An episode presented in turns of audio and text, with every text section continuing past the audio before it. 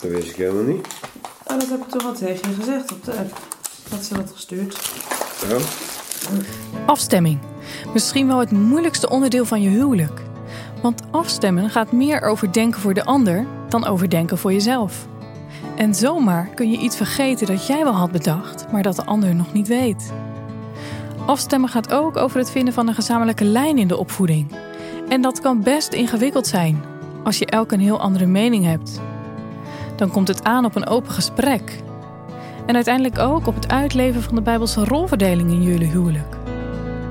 Wie elkaar toch steeds weer terugvindt, ervaart hoe eenheid versterking biedt. Eenheid in je huwelijk en eenheid in je gezin zijn kostbare ingrediënten in de opvoeding. Maar hoe bouw je aan die eenheid? En is het nodig om in alle dingen op één lijn te staan als ouders? Welkom in deze vijfde aflevering van het vierde seizoen van de podcast Bij ons thuis.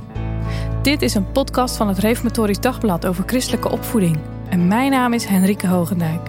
In elke aflevering verken ik een dagelijks opvoedingsthema vanuit verschillende perspectieven.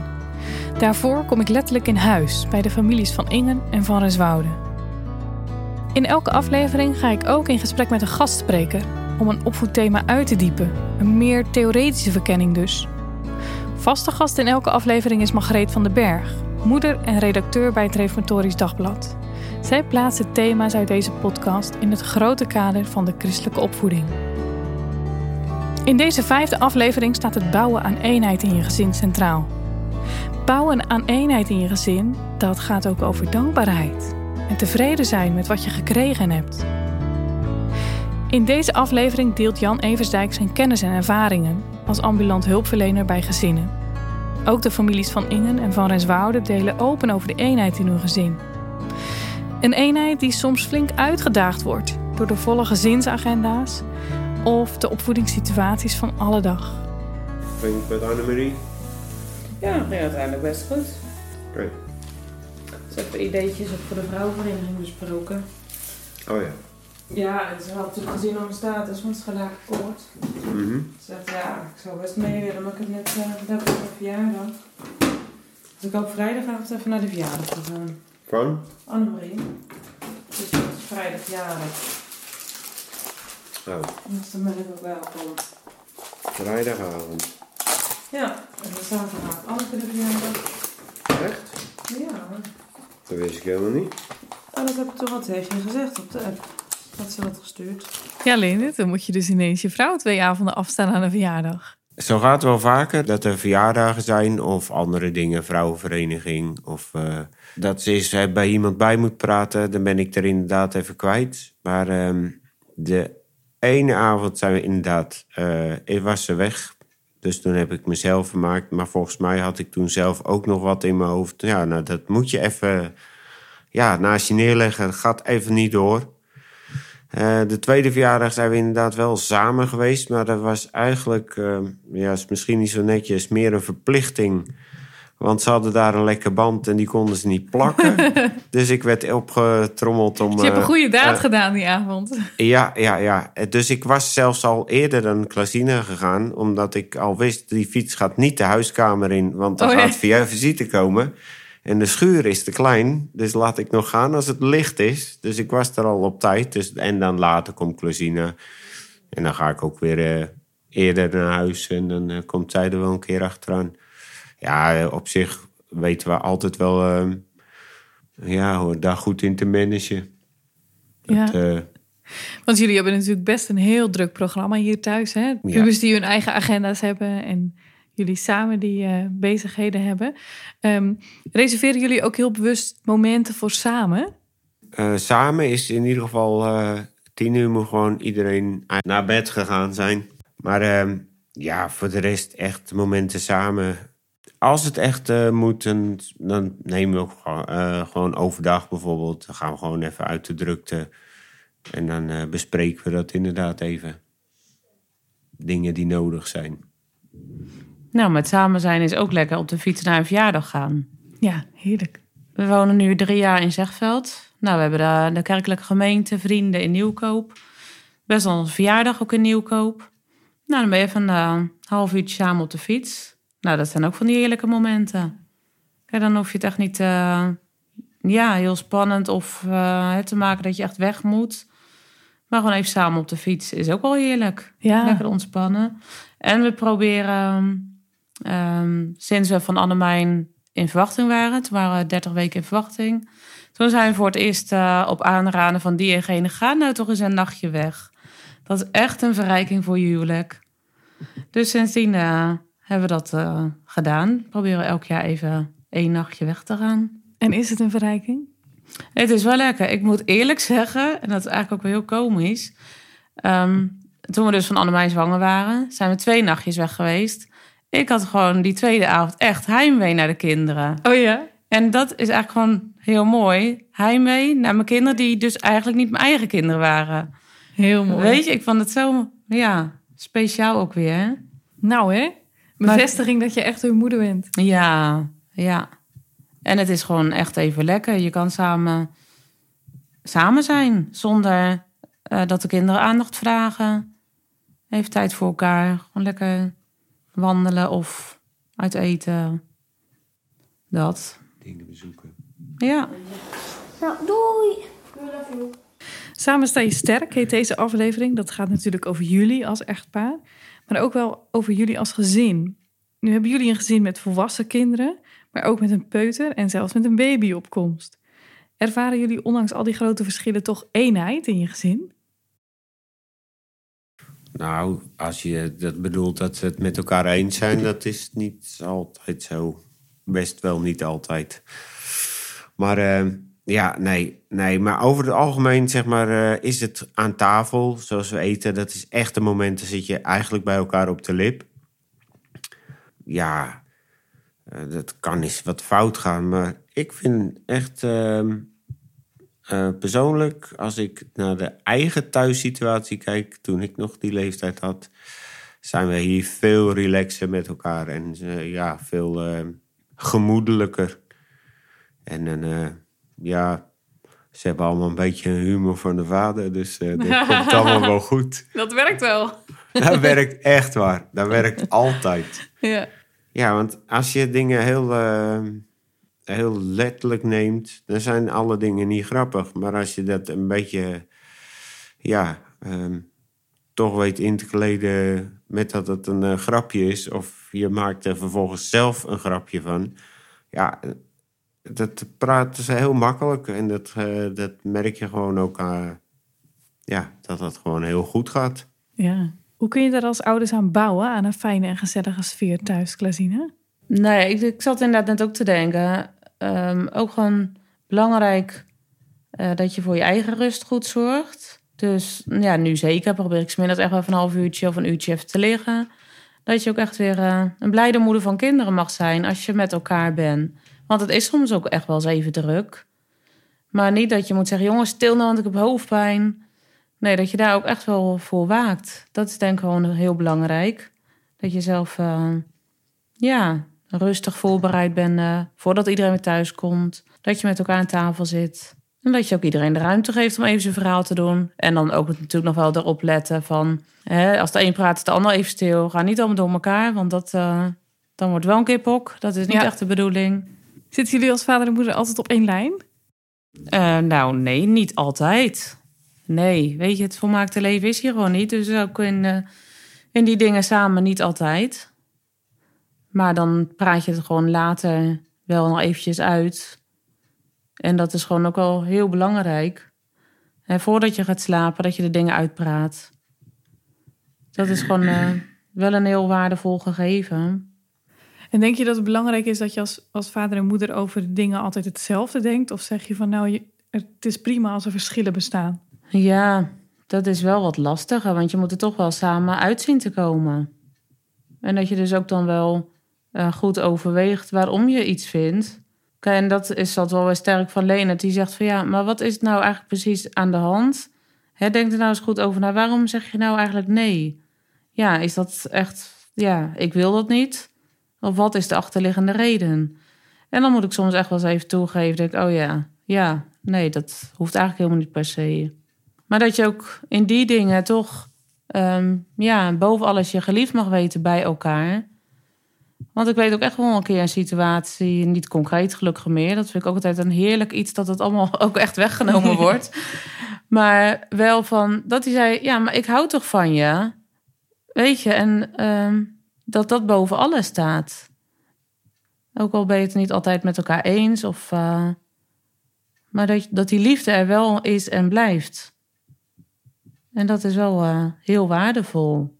En dan kan er ook heel erg veel in een huwelijk, hè? Ja. Of dan is er ruimte voor elkaars karakter en zijn, ja. Ja. En natuurlijk, soms, soms is er gewoon wel eens wat. Maar het is gewoon heel belangrijk om het wel uit te praten. En dat je eigenlijk juist weer dan des te meer uh, weer weet, ja, je houdt van elkaar. Hm. Dat wordt dan eigenlijk ook juist alweer versterkt. Nee, we zijn het niet altijd met elkaar eens. En meestal wordt dat na die tijd besproken, maar dan, uh, ik vind het niet helemaal handig. Ja, wel, wel handig dat de kinderen niet bij zijn. Maar bij mij gaat het uh, een beetje opkroppen. En dan komt er één keer uit en dan denkt uh, Klasine... oh, wat is dit voor lawine? Maar als ze inderdaad door blijft gaan... en ik heb echt een andere mening... en ze blijft een mening bijvoorbeeld opleggen bij de kinderen... dan, dan haak ik daar wel op in. Ja, en ja, ik probeer altijd Klasine te sparen... maar als ik het gewoon dan op die manier niet met haar eens ben... ja, dan is er gewoon op dat moment waar die persoon waar het over gaat uh, uh, erbij, dan, nou, dan probeer ik dat wel even recht te zetten. Ja. Dan, ja, sorry, dan kies ik niet de kant van mijn vrouw. En dan ben ik heel, heel erg stellig in. Ja, en daarin leren de kinderen ook wel wat. Hè? Dat ze ook zien van, oh, hoe gaan jullie hier met, een, met elkaar als volwassenen mee om? En hoe kom je uiteindelijk inderdaad toch weer tot die ene lijn waar je samen op zit? Nou, dat, ja, dat is natuurlijk belangrijk. Dat, je, um, dat ze in ieder geval nooit gaan zien dat een, uh, een, een, meningsverschil verwijdering gaat brengen. Maar dat het gewoon liefde blijft houden. Ja. Weten de kinderen waarvoor ze naar jou moeten komen en waarvoor ze naar hun moeder moeten? Um, als ze aan mij vragen, mag ik achter de laptop? Dan vind ik dat veel te ingewikkeld. Dus zoek het maar uit. En dat hoeven ze bij Klasine niet te doen, want die zegt uh, eigenlijk altijd nee. Of uh, ben je gisteren nog niet geweest? Ja, nou, dat weet ik allemaal niet. Dat hou ik niet bij. Dus ik zeg, ga jij maar lekker achter de laptop. Uh, zoek het maar even uit. Eenheid, dat gaat over het werk aan een goede sfeer in huis. Het is belangrijk dat je je daar bewust voor inspant, zeggen Leonard en Klazina. Een simpele voorwaarde daarvoor is dat je goed uitgerust bent om gezelligheid te kunnen brengen, merken zij. Zorg dat er genoeg gezamenlijke momenten zijn, benadrukt ook Jan Eversdijk, die ik spreek over dit thema. Zorg dat iedereen zich gezien voelt. Dat er een veilige sfeer ontstaat, waarin ook ruimte is voor complimenten aan elkaar. Maar hoe bouw je daaraan in je gezin als er heel verschillende leeftijden of karakters samenkomen bij jullie thuis? Ik ga erover in gesprek met Jan Eversdijk. Hij is ambulant hulpverlener bij het Kersten Onderwijscentrum en op het Calvijn College in Zeeland. Als het gaat over eenheid in het gezin, dan gaat het ook over verschillen tussen ouders. Kinderen weten heel goed bij welke opvoeder ze moeten zijn als ze een snoepje willen of als ze tot s'avonds laat naar een vriend toe willen. Heb je daar zelf vroeger ook wel eens misbruik van gemaakt in de opvoeding? Ja, wij wisten ook echt wel goed bij wie we moesten zijn met onze vraag. Bij de ene vraag bij bij de andere vraag bij vader. Ik denk dat alle kinderen dat uh, wel weten. Um, dat is volgens mij niet echt een probleem, maar ik denk dat ouders wel verstandig gaan doen om te checken. Hè? Als een kind zegt, van papa mag dit, of van mama mag dat, dat je zegt, ik vraag het even na. En als het van mama mag, dan mag het van mij ook. En dan kunnen kinderen, kan er geen ruimte bestaan tussen ja, wat ouders vinden. Ja, nu wordt er vaak gezegd dat het heel belangrijk is dat ouders op één lijn zitten. Maar is dat realistisch als je bedenkt dat juist vaak veel tegenpolen trouwen met elkaar? Nee, ik denk dat het eigenlijk een uh, utopie is. Want mensen verschillen natuurlijk en soms zijn er grote verschillen. En ik denk dat je dan de eenheid moet zoeken in de waarden en de normen die je over wil dragen aan je kinderen. Als je het daarover praat samen en het daarover eens bent en je hebt daar weinig, maar wel essentiële regels bij, dan werk je volgens mij op een goede manier aan, aan eenheid. Kun je eens een voorbeeld noemen van een aantal uh, waarden en regels die kunnen helpen aan die eenheid in een gezin? Ja, ik denk aan, aan regels rondom uh, ja, de zondag, hoe je die doorbrengt. Uh, als je als ouders zegt dat je de zondag belangrijk vindt, dan mag dat ook wel blijken uit hoe je ermee omgaat. Ik zeg niet uh, dat het gebod op gebod moet zijn, maar uit de regels kan blijken dat er respect is voor God en zijn dag. En dat kan ook zo zijn met respect ten opzichte van elkaar. Dat je zegt, wij doen elkaar hier geen pijn. Dat is een regel. Daar blijkt uit dat je bijbelse waarden na wil leven. Dus ik, ik denk, uh, je hoeft niet veel regels te hebben, als het goede regels zijn. En die goede regels die vinden hun oorsprong in de Bijbel, omdat het gaat over bijbelse waarden, zeg jij. Ja, ik denk niet dat alle regels de oorsprong in de Bijbel vinden. Sommige zijn een soort, uh, ja, die gaan over de organisatie van je gezin en zo. Maar ik, ik ben wel bang dat sommige mensen te veel regels hebben en misschien anderen te weinig. Dan, dan hoor ik wel eens bij, uh, als ik in gezinnen kom voor de hulpverlening uh, en ik vraag, hebben jullie regels? Ja, natuurlijk hebben wij die.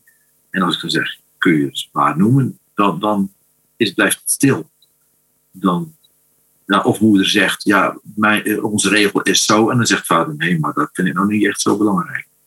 Kijk, dan voel je gelijk al dat er verschillen zijn. Verschillen waar kinderen zeker gebruik van gaan maken. Ja. Nou zeg je, hè, die verschillen, daar gaan kinderen gebruik van gaan maken. Maar uh, wanneer is verschil nou echt een probleem in de opvoeding? Want op de echt basale uh, punten, de, de normen en waarden van je gezin, daarin is eenheid nodig. Maar waar is verschil wel mogelijk? Ja, ik denk uh, toch bij de meer middelmatige dingen. Hè? De, de, ja, ik even denken ik daar een voorbeeld van heb. Kijk, als je, als je een kind zegt, je mag van je spaargeld, hè, mag je, in zoveel tijd mag je daar dat bedrag aan uitgeven. Ja, dan, dan dat vind ik, waar je het aan uitgeeft, dat zullen kinderen best wel snappen dat dat niet moet zijn aan uh, dingen die tegen de Bijbel strijden. En dus ik denk dat daar een bepaalde vrijheid wel, wel goed in is. Misschien overleggen eerst, dan kopen.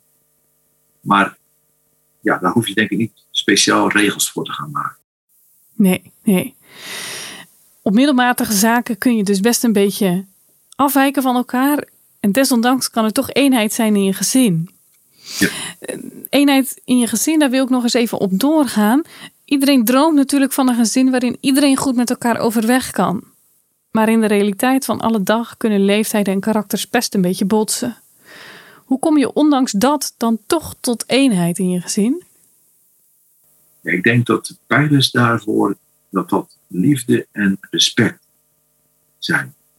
Um, als ouders voorleven en laten zien aan de kinderen dat respect hebben voor een ander kind, voor andere mensen, dat het ook betekent uh, ja, om, goed, goed omgaan met de verschillen en zoals het in de catechisme staat, hè, dus met fouten en gebreken geduld hebben. En dat geldt natuurlijk dan ook voor kinderen.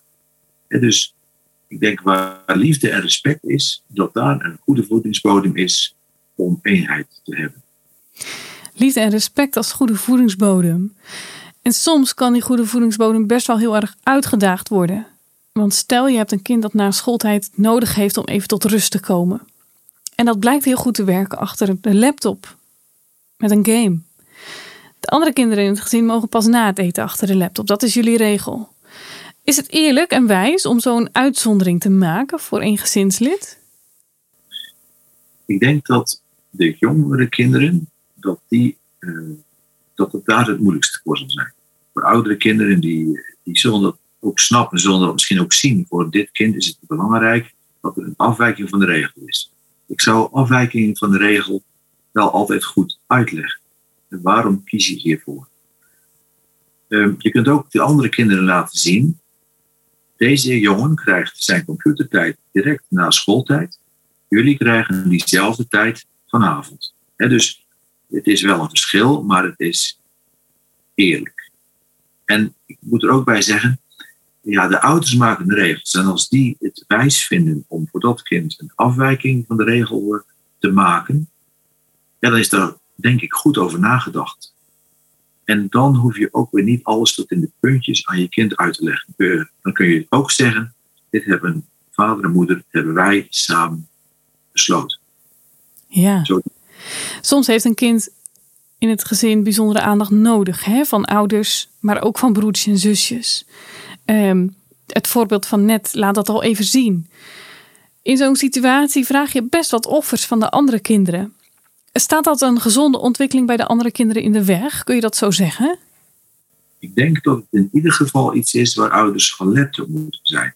Het, is natuurlijk, het gaat een soort vanzelf. Hè? Een kind heeft een diagnose of heeft extra aandacht nodig. Dat gaat vanzelf. Dus dan gaat het minder aandacht hebben voor de andere kinderen ook vanzelf. En dan is het wel goed om te kijken van lijden de kinderen daar niet op. Want soms kun je dan ook door uh, persoonlijke, persoonlijke momentjes te hebben met de andere kinderen ervoor zorgen dat die ook gezien worden en gehoord. Kun je eens een voorbeeld noemen van zo'n persoonlijk moment? Want dat is wel iets heel moois om dat praktisch te maken. Ja, ik denk bijvoorbeeld, stel je zoon wist graag. Dan zou ik zeggen, ga daar gewoon eens langs. Uh, ga er eens bij zitten. Maak een praatje of breng wat lekkers te drinken. Uh, dat je een soort moment van maakt van alleen tussen bijvoorbeeld vader en die zoon. En dat kan natuurlijk de moeder ook doen met andere kinderen.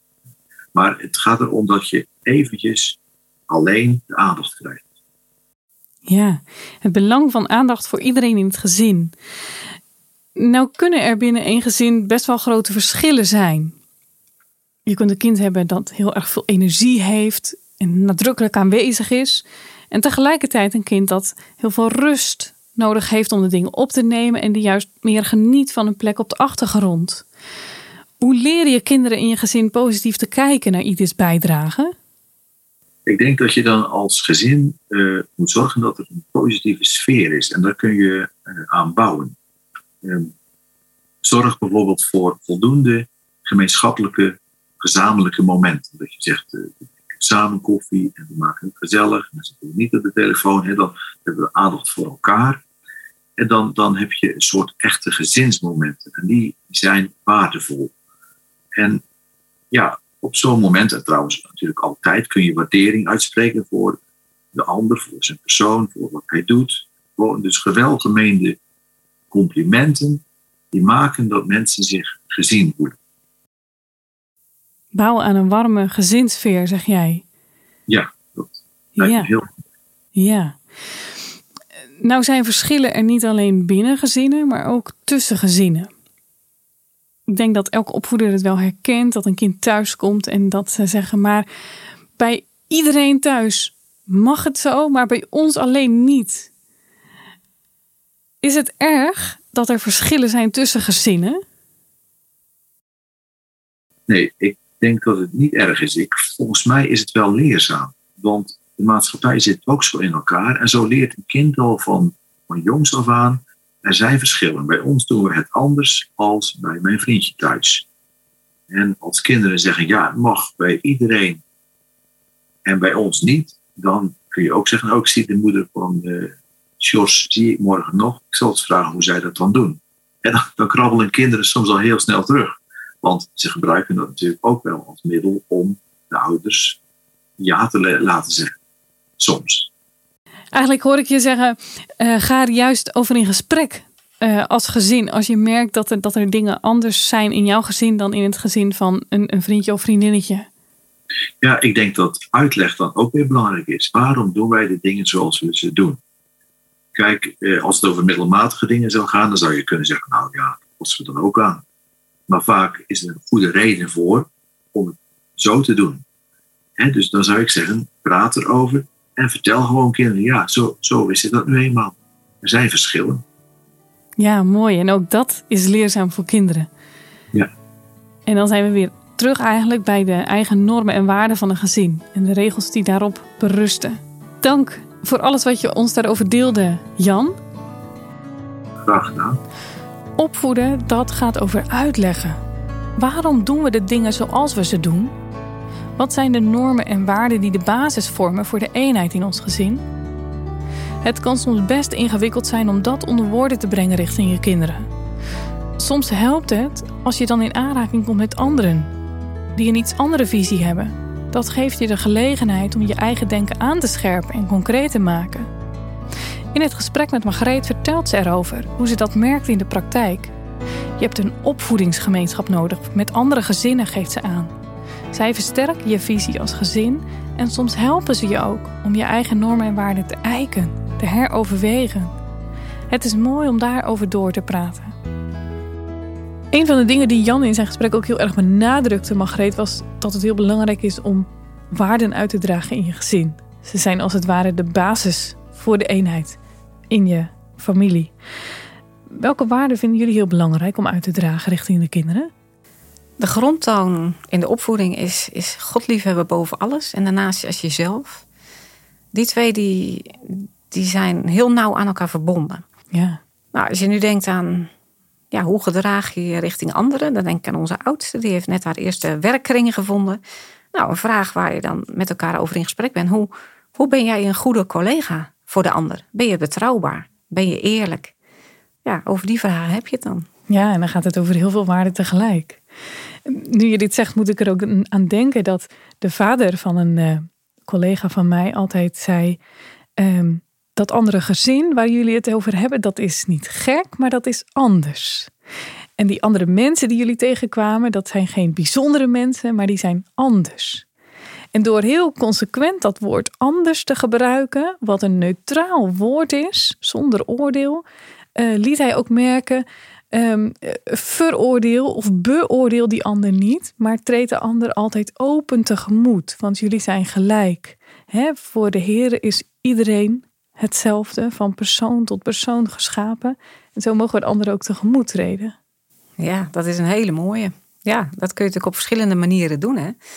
Uh, het gaat natuurlijk telkens over eenheid in het gezin en eenheid tussen andere gezinnen ook. En dan denk ik denk aan een gezin bij ons in de buurt, met wie, waar onze jongste regelmatig over de vloer komt. Uh, we hebben heel veel overeenkomsten als gezinnen. Uh, ja, ze hebben diezelfde grondwaarden, dat, dat proef ik in alles. Maar er zijn ook verschillen. Bijvoorbeeld, wij zijn gewend om op zondag twee keer naar de kerk te gaan. In dat gezin is het de gewoonte om één keer per zondag naar de kerk te gaan. Er is geen tweede dienst. Ja. Dat levert voor onze jongste ook een kennismaking op met die verschillen. Hoe moet hij daar tegenover staan? Hoe verhoudt hij zich daartoe? Nou, als hij het met ons daarover heeft, dan worden wij natuurlijk heel kritisch bevraagd van waarom moet ik op zondag twee keer naar de kerk? Ja. En dan gaan wij daarover in gesprek. Wij hebben op zondag twee diensten en wij willen graag daar altijd bij aanwezig zijn. We willen daar zijn. Dat is belangrijk voor ons. En dan hoor ik van de ouders terug hoe het gesprek tussen de twee jongens is gevoerd. En dan blijkt hij daar in huis met verven te verdedigen dat je toch wel eigenlijk twee keer naar de kerk moet. Ja, mooi. En het vriendje verdedigt dan op zijn beurt, of die is een beetje verbaasd, zo van Hè? Twee keer. Bestaat dat eigenlijk? Dat was voor hem een eerste kennismaking. Dus voor die jongen, hij krijgt ook een breder inzicht in kerkelijk Nederland. Dat daar dus verschillen zijn blijkbaar tussen christenen. Ja, ja, ja. Hey, dus eh, zo kan het dus gaan, hè? dat een kind uh, in de gezinssituatie kritisch vragen stelt over een bepaalde bestaande regel, maar dat het buitenshuis die regel met verven verdedigt.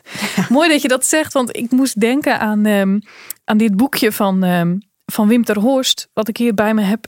En dat heet Wijs me de weg. En Wim ter Horst was een christelijke pedagoog die heel veel schreef over het dagelijkse leven, het gewone leven. En hij zegt: Geen enkel gezin krijgt het in deze postchristelijke samenleving voor elkaar om de kinderen een christelijke opvoeding te geven zonder zich te verbinden met andere gelijkgestemde gezinnen, om zo een overzichtelijke subcultuur te vormen. Het op zichzelf staande gezin is te klein als opvoedingsgemeenschap. Kinderen moeten dus regelmatig bij andere gezinnen over de vloer komen, waar wordt bevestigd wat hen thuis is bijgebracht en waar ze kunnen oppikken wat thuis kan worden bevestigd. Dan gaat het dus niet alleen over huiselijke rituelen, maar ook om de hele manier waarop men met elkaar omgaat. Met anderen, met dieren, met planten en dingen. Margreet, herken je dat? Dat je andere gezinnen nodig hebt om samen een opvoedingsgemeenschap te vormen? Ja, dat herken ik zeker. Ik hoorde daar pas een heel mooi voorbeeld van. Dat was van dominee van Olst. Uh, die heeft jaren in Antwerpen gewoond met zijn gezin. En hij vertelde over zijn kinderen die daar op een, uiteraard niet reformatorische school zaten en daar onderwijs ontvingen. En hij stelt, uh, zijn kinderen zijn daar echt staande gebleven. Hij refereerde wel aan belangrijke vrienden en familieleden. Ik denk, die stonden op afstand toen, want zij zaten in Antwerpen en die familie zat in Nederland. Dus die zullen elkaar niet wekelijks gezien hebben. Nee. Maar ik denk voor zijn kinderen waren dat wat Ter Horst bedoelt, die opvoedingsgemeenschap, die was er al heel sterk voordat zij in die omgeving uh, zich nestelden. En zij zien dan bij hun familie en vrienden diezelfde gemeenschappelijke waarden en die dragen zij dan uit op die plek waar anderen dat helemaal niet uitdragen. Ik vond dat heel mooi om te horen. Want dan denk ik, wat gebeurt er nu? Kijk, wij wonen best in een christelijke omgeving met heel veel christelijke gezinnen om ons heen. Maar als ik nu uh, besluit dat wij naar Amsterdam gaan verhuizen, totaal alleen maar onchristelijke buren. Wat gebeurt er dan met onze kinderen? Ja. Kijk, de, oud, de, jongste is bij ons nu natuurlijk al tien. Dus die heeft al een heel stuk opvoeding meegekregen. Daar ligt al een, heel, een hele basis. Maar het, is, het vraagt best wat van een kind om dan... Stel dat hij de enige zou zijn op school. Dat hij echt tegen de stroom in moet gaan zwemmen. Ja. Zou hij dat kunnen? Is hij daar voor toegerust? Of word je daar ook pas voor toegerust op het moment dat... Dat het echt gaande is. Dat dat er is, dat weet ik niet. En wij staan nu niet voor deze situatie, want wij zitten ja, best wel in een homogene groep. Ja. ja, ja. maar heel terecht wat jij, wat jij zegt en wat Wim ter Horst ook al beschreef. Hè, van kinderen hebben het voortdurend nodig dat ze weten dat anderen ook diezelfde waarden hebben. En dat anderen eh, ook hun, hun uh, redenen bij de dingen hebben en dat je mag steunen op die redenen van anderen. Die opvoedingsgemeenschap die heeft dus een hele belangrijke rol in het vormen van de identiteit van de persoon. Dat gaat niet alleen over waar die persoon voor staat, maar dat gaat ook over welke hobby's en welke kenmerken zo'n persoon heeft. Merk je dat, dat andere opvoeders nodig zijn om de ontwikkeling van jouw kind aan te vullen?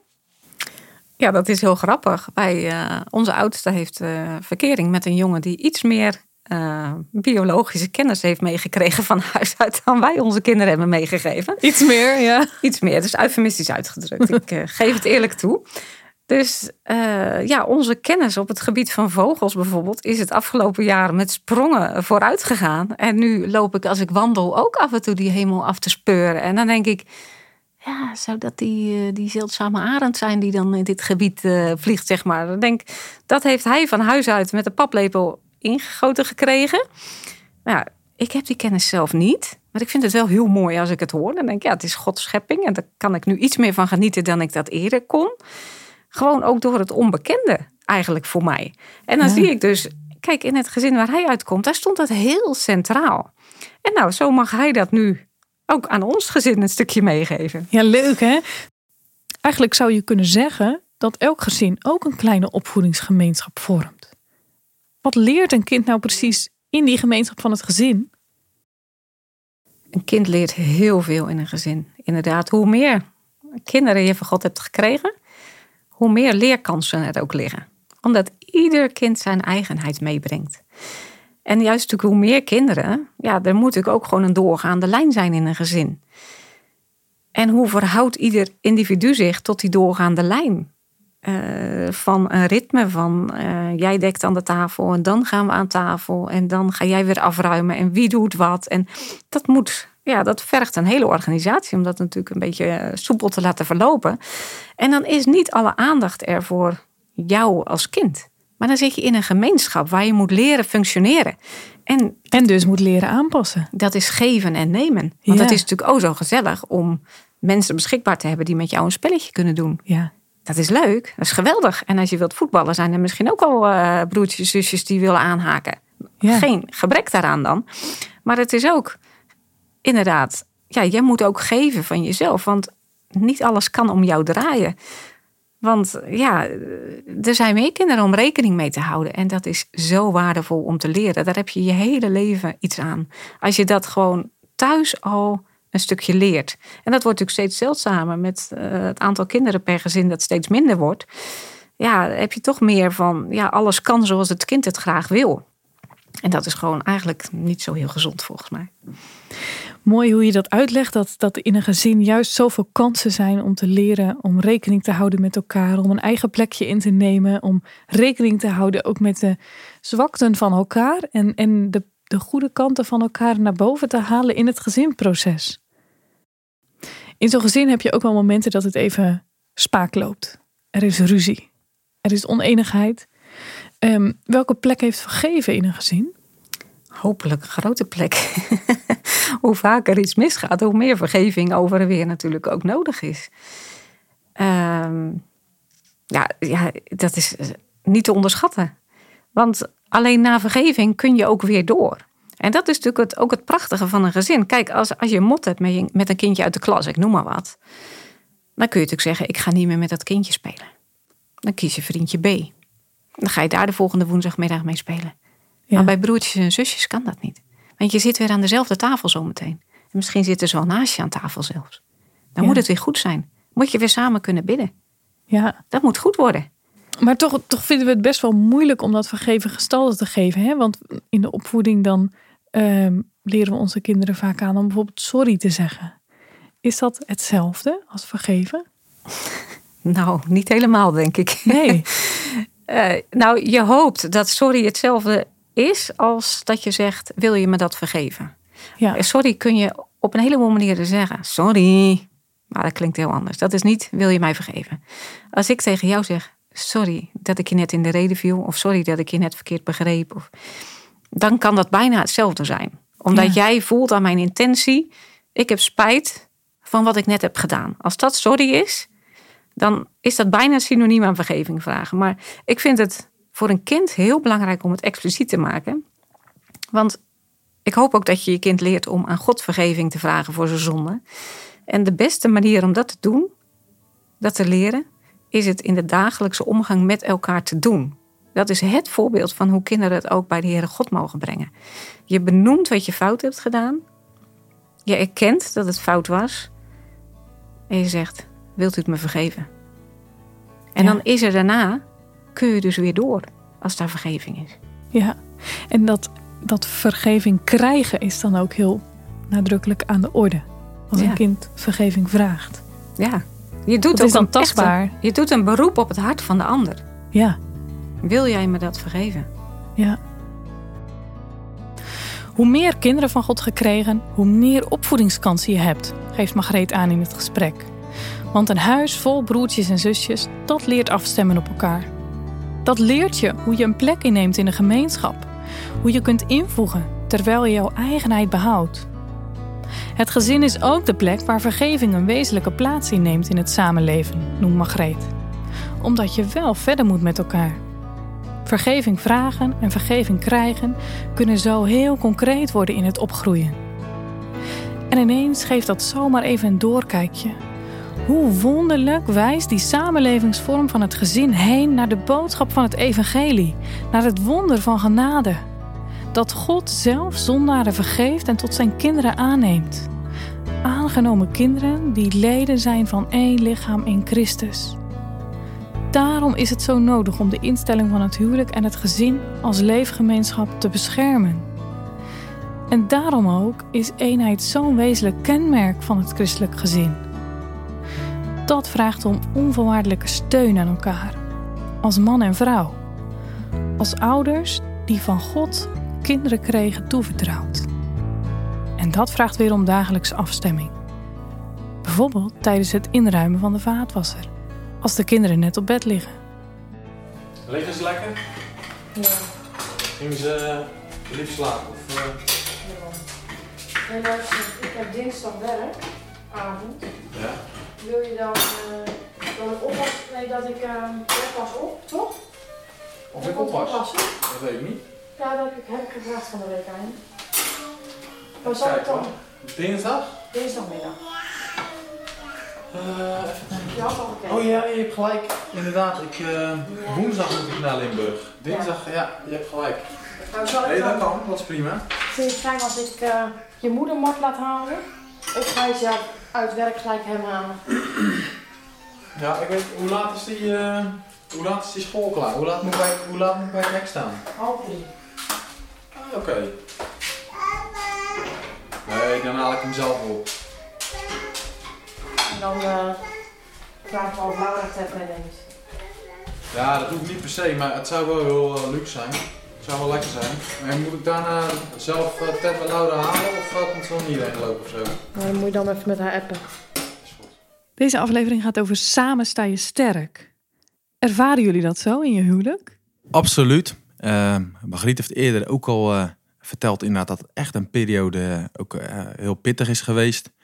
Nou, dan merk je dat communicatie ontzettend belangrijk is. Want dan, ja, Margriet, wij, wij hebben dan inderdaad de verdeling dat Margriet inderdaad toch wel voornamelijk voor de kinderen zorgt en ik werk. Dus dan, ja, in die pittige tijd is het heel goed dat je inderdaad goed contact met elkaar houdt. En het laatste het inderdaad ook met de, de goede hulp van, die we hebben van Mart zitten we echt weer in goed stabiel vaarwater. En ja, samen sta je dan echt sterk. Want ik vertrouw Margriet. Ik weet dat ik op haar aan kan. Ze regelt hier de boel. En daar ben ik zelf ontzettend trots op. Dus je valt in de prijzen, Margriet. Want uh, nee, dat is echt waar. Dat, ja, dat gaat ontzettend goed. Dus dan sta je echt samen sterk inderdaad. Je bent echt hier de motor van het gezin. En ja, ja, dat ja, ik vertrouw je. Het gaat gewoon en het, en het gaat goed. En dat zie ik en dat, dat voelen, voelen de anderen ook. Je ziet het eigenlijk misschien ook wel terug in eigenlijk de reactie van de kinderen. Want inderdaad, als mama weg moet of weggaat, het huis is te klein. Als papa weggaat, nou, dat is nog wel te doen. dat kan al niet. Maar als je er eenmaal bent, dan vinden ze dat ook een feest, denk ik. Ja, als ik er eenmaal ben, dat is ook zo. Ik moet ze s ochtends allemaal af. Uh, die moeten knuffelen en die een kus. En ze moeten allemaal knuffelen en kus. En Ted moet er altijd drie. En uh, dus dat is zeker waar. Heerlijk, maar ja. uh, als er echt wat aan de hand is, mama. Aan het begin van de opname gaf Jan Eversdijk aan dat als één kind in het gezin andere regels nodig heeft, dan is dat best heel moeilijk voor de andere kinderen. Herkennen jullie dat? Ja, dat is echt een struikelblok. En dat is ook gewoon iets waar wij nog niet over uit zijn. Hoe dat moet en hoe dat werkt. Dus ja, je hebt speciale boeken, voorlichtingsdagen en dingen over de brusjes. Dus de broertjes en zusjes van. hè. Ja. ja, ik heb de tijd nog niet gewoon gehad, de energie nog niet gehad in de afgelopen paar jaar om nou echt te weten en uit te vinden wat werkt het best. Dus ik zeg ook altijd nog, op dit punt valt mij nog heel veel te leren. Ja. En dat kun je misschien ook alleen maar leren in de praktijk. Ja, maar ik geloof ook wel dat daar echt handvatten voor zijn. Want het mooie is, je komt erachter, het is niet het eerste gezin waar je te maken hebt met brusjes. Dus ik moet ook veel meer gebruik maken van de kennis die anderen al hebben. Maar daar moet je even de tijd en de ruimte voor vinden. Het gezin is een gemeenschap waarin je als kinderen leert om samen te leven. Waarin je rekening moet houden met elkaar. Waarin je samen speelt, maar ook samen ruzie hebt. Waarin je elkaar lief vindt en waar je je moet leren om elkaar te vergeven. Hoe stuur je daarin bij? Hoe oefen je kinderen daarin? Ja, dat als er wat, wat gebeurt inderdaad, dat we vaak, tenminste, dat, dat uh, doe ik dan vaak zelf, neem ik het toch even apart. En dan uh, praat ik eerst eventjes gewoon hoor en wederhoor. Dus van, uh, ja, wat is er gebeurd? En ja, dan komt al gauw vaak toch wel een beetje boven wie wat gedaan heeft. En dan, dan probeer ik uit te leggen van, ja, dit of dat is echt niet acceptabel. En dan inderdaad zeker met familie, met iedere mens natuurlijk, maar zeker met familie inderdaad, hoe belangrijk het is dat je elkaar vasthoudt en uh, dat we het dan proberen op te lossen. En dat gaat daar eigenlijk, ja, dat gaat best wel aardig, vind ik zelf eigenlijk altijd. Dat ik denk van nou, dat, uh, soms zit er dan toch wel weer een stukje veringskracht in, uh, in die kinderen, dat ze elkaar dan toch inderdaad zeggen sorry en soms een beetje met tegenzin, maar dan gaan ze daarna toch wel weer lekker aan het spelen. Ook zij staan samen sterk. Ze moeten toch ook een beetje leren voor de grote wereld, denk ik altijd. Stel dat je voor het eerst uh, gaat merken dat er mensen met andere gedachten en willetjes zijn uh, als je wat ouder bent, dan ga je het heel moeilijk krijgen. Dus in die zin zie ik het ook wel als een, uh, een leuke leerschool voor de kinderen. En of dat leuk voor uh, de ouders is, niet altijd, maar wel gewoon nodig. Dat is inderdaad wel waar wat Margriet zegt. Want dat, dan hebben we het, ik had het dan net even alleen over conflicten inderdaad. Maar als het natuurlijk gaat om je eigen wil doordrijven of doorzetten, dan is dat inderdaad ook dat je dat inderdaad echt moet uitleggen. Inderdaad, van ja, kijk, er zijn ook nog mensen met andere meningen. Of eh, niet altijd, ja, delen is ook gewoon een mooi iets bijvoorbeeld. Want het gaat natuurlijk vaak over eh, ik, ik, ik en de rest kan stikken. En mijn speelgoed, dat is alleen van mij. Dus om dat aan te leren, dat is inderdaad wel echt belangrijk. En eh, ja, dat lukt gelukkig ook wel. Maar ja, dat zie je wel inderdaad. ja, dat, moest, dat, dat die hebben we wel vaak meegemaakt in de speeltuin. Maar het gaat goed nu. En het is mooi dat ze dat hier veilig in een, in een kleine setting kunnen, kunnen oefenen, wat je zegt. Ja. Misschien ik was er ook nog even. Ik heb kleding uitgezocht. Kleding uitgezocht? Ja, van Fleur. Ah, voor die markt? Nee, gewoon voor, uh, voor de winter. In het gesprek met Margreet spraken we over hoe belangrijk het is dat we als opvoeders om elkaar heen staan. Dat we elkaar helpen en aanvullen waar nodig. Herkennen jullie dat? Ja, kinderen voelen natuurlijk ook haar fijn aan uh, hè, wanneer je niet op één lijn staat. En dat deed je vroeger zelf toch ook. Vraag het aan papa, zegt hij, uh, vraag het maar aan mama. Je ging bij allebei even proberen bij wijze van. En dat merk je nu ook. Ze kunnen nog wel uitspelen. Dan is het belangrijk dat je, ook al vind ik eigenlijk dat Marjan ongelijk heeft, om dan toch voor de kinderen, zeg maar, voor het beeld wat zij hebben van jullie tweeën als een team, om dan toch ja, hetzelfde aan te geven. Ja. Heb je als opvoeder ook andere opvoeders buiten jullie gezin nodig? Ja, ja die heb je echt nodig. En ook vooral um, in de zin van wat ik zei. Sommige mensen hebben zoveel wijze adviezen, tips, hebben het wiel al uitgevonden in, bepa in bepaalde situaties. Dus ja, het zou dom zijn als je er geen gebruik van maakt. Ja. Daarnaast ook nog scholen. Dat is echt ongelooflijk inderdaad uh, wat ze daar inderdaad mee mee, uh, meepikken, zeg maar. En uh, ook qua normen en waarden, dat uh, is echt fantastisch. Dus die heb je zeker, zeker nodig. Welk advies hebben jullie voor andere opvoeders? Hoe kun je een steun zijn voor gezinnen die een pittige tijd in de opvoeding meemaken? Ja, toch wel een stukje ja, praktisch, gewoon echt hulp aanbieden. Maar het ligt vaak, ik merk gewoon, er zijn eigenlijk altijd wel genoeg welwillende mensen om je heen. Het is alleen, wil je zelf die hulp? Ja. En dat is gewoon een heel, heel, gewoon best wel lang traject. En ik las laatst in een boekje ergens, hè, De Volste Mol, weet ik veel, zo'n boek. Hmm. Daar stond ook in, wat is het dapperste wat je ooit gezegd hebt? Ja, help. Dat moet je echt leren, ook in het opvoeden. Want het is wel gewoon, je wil je vuile was niet buiten zetten. En eh, ook als je kind dan hè, elders is, is het toch soms een beetje ja, het gevoel van als het ergens anders wel goed gaat, ze zullen wel niet denken. Maar dat zijn allemaal dingen die in je eigen hoofd afspelen. Dus ik denk, ja, als je merkt dat ouders hulp nodig hebben of hè, het water een beetje aan hun lippen staat, bied het vooral aan. En uh, als je merkt dat ze dat als hulp moeilijk vinden, bied het dan als hè, speelafspraakjes, dat oh ja. soort dingen aan. Dat ja. is gewoon hè, van, komt ze even twee uurtjes spelen? Dan voelt dat niet per se als... Um, uh, ik ga jou hulp geven, ik ga jou ontlasten met je kind. Maar ik laat jouw kind bij mij spelen. Oh ja. Jij hoeft het niet als hulp te zien, zeg maar. Maar ja. het kan wel hulp zijn. Ja. It takes a village to raise a child. We hebben iedereen nodig bij het grootbrengen van onze kinderen. Die lieve buurvrouw die je kind thuis brengt uit school. Die vriend of vriendin die even de kinderen meeneemt in een pittige periode in je gezin. Die oom die een hobby heeft in de modelbouw en een stukje passie overbrengt. Samen geven ze ruimte om te komen tot eenheid, eenheid in je gezin. Daar gaat het over als we het hebben over de opvoeding met beide benen op de grond.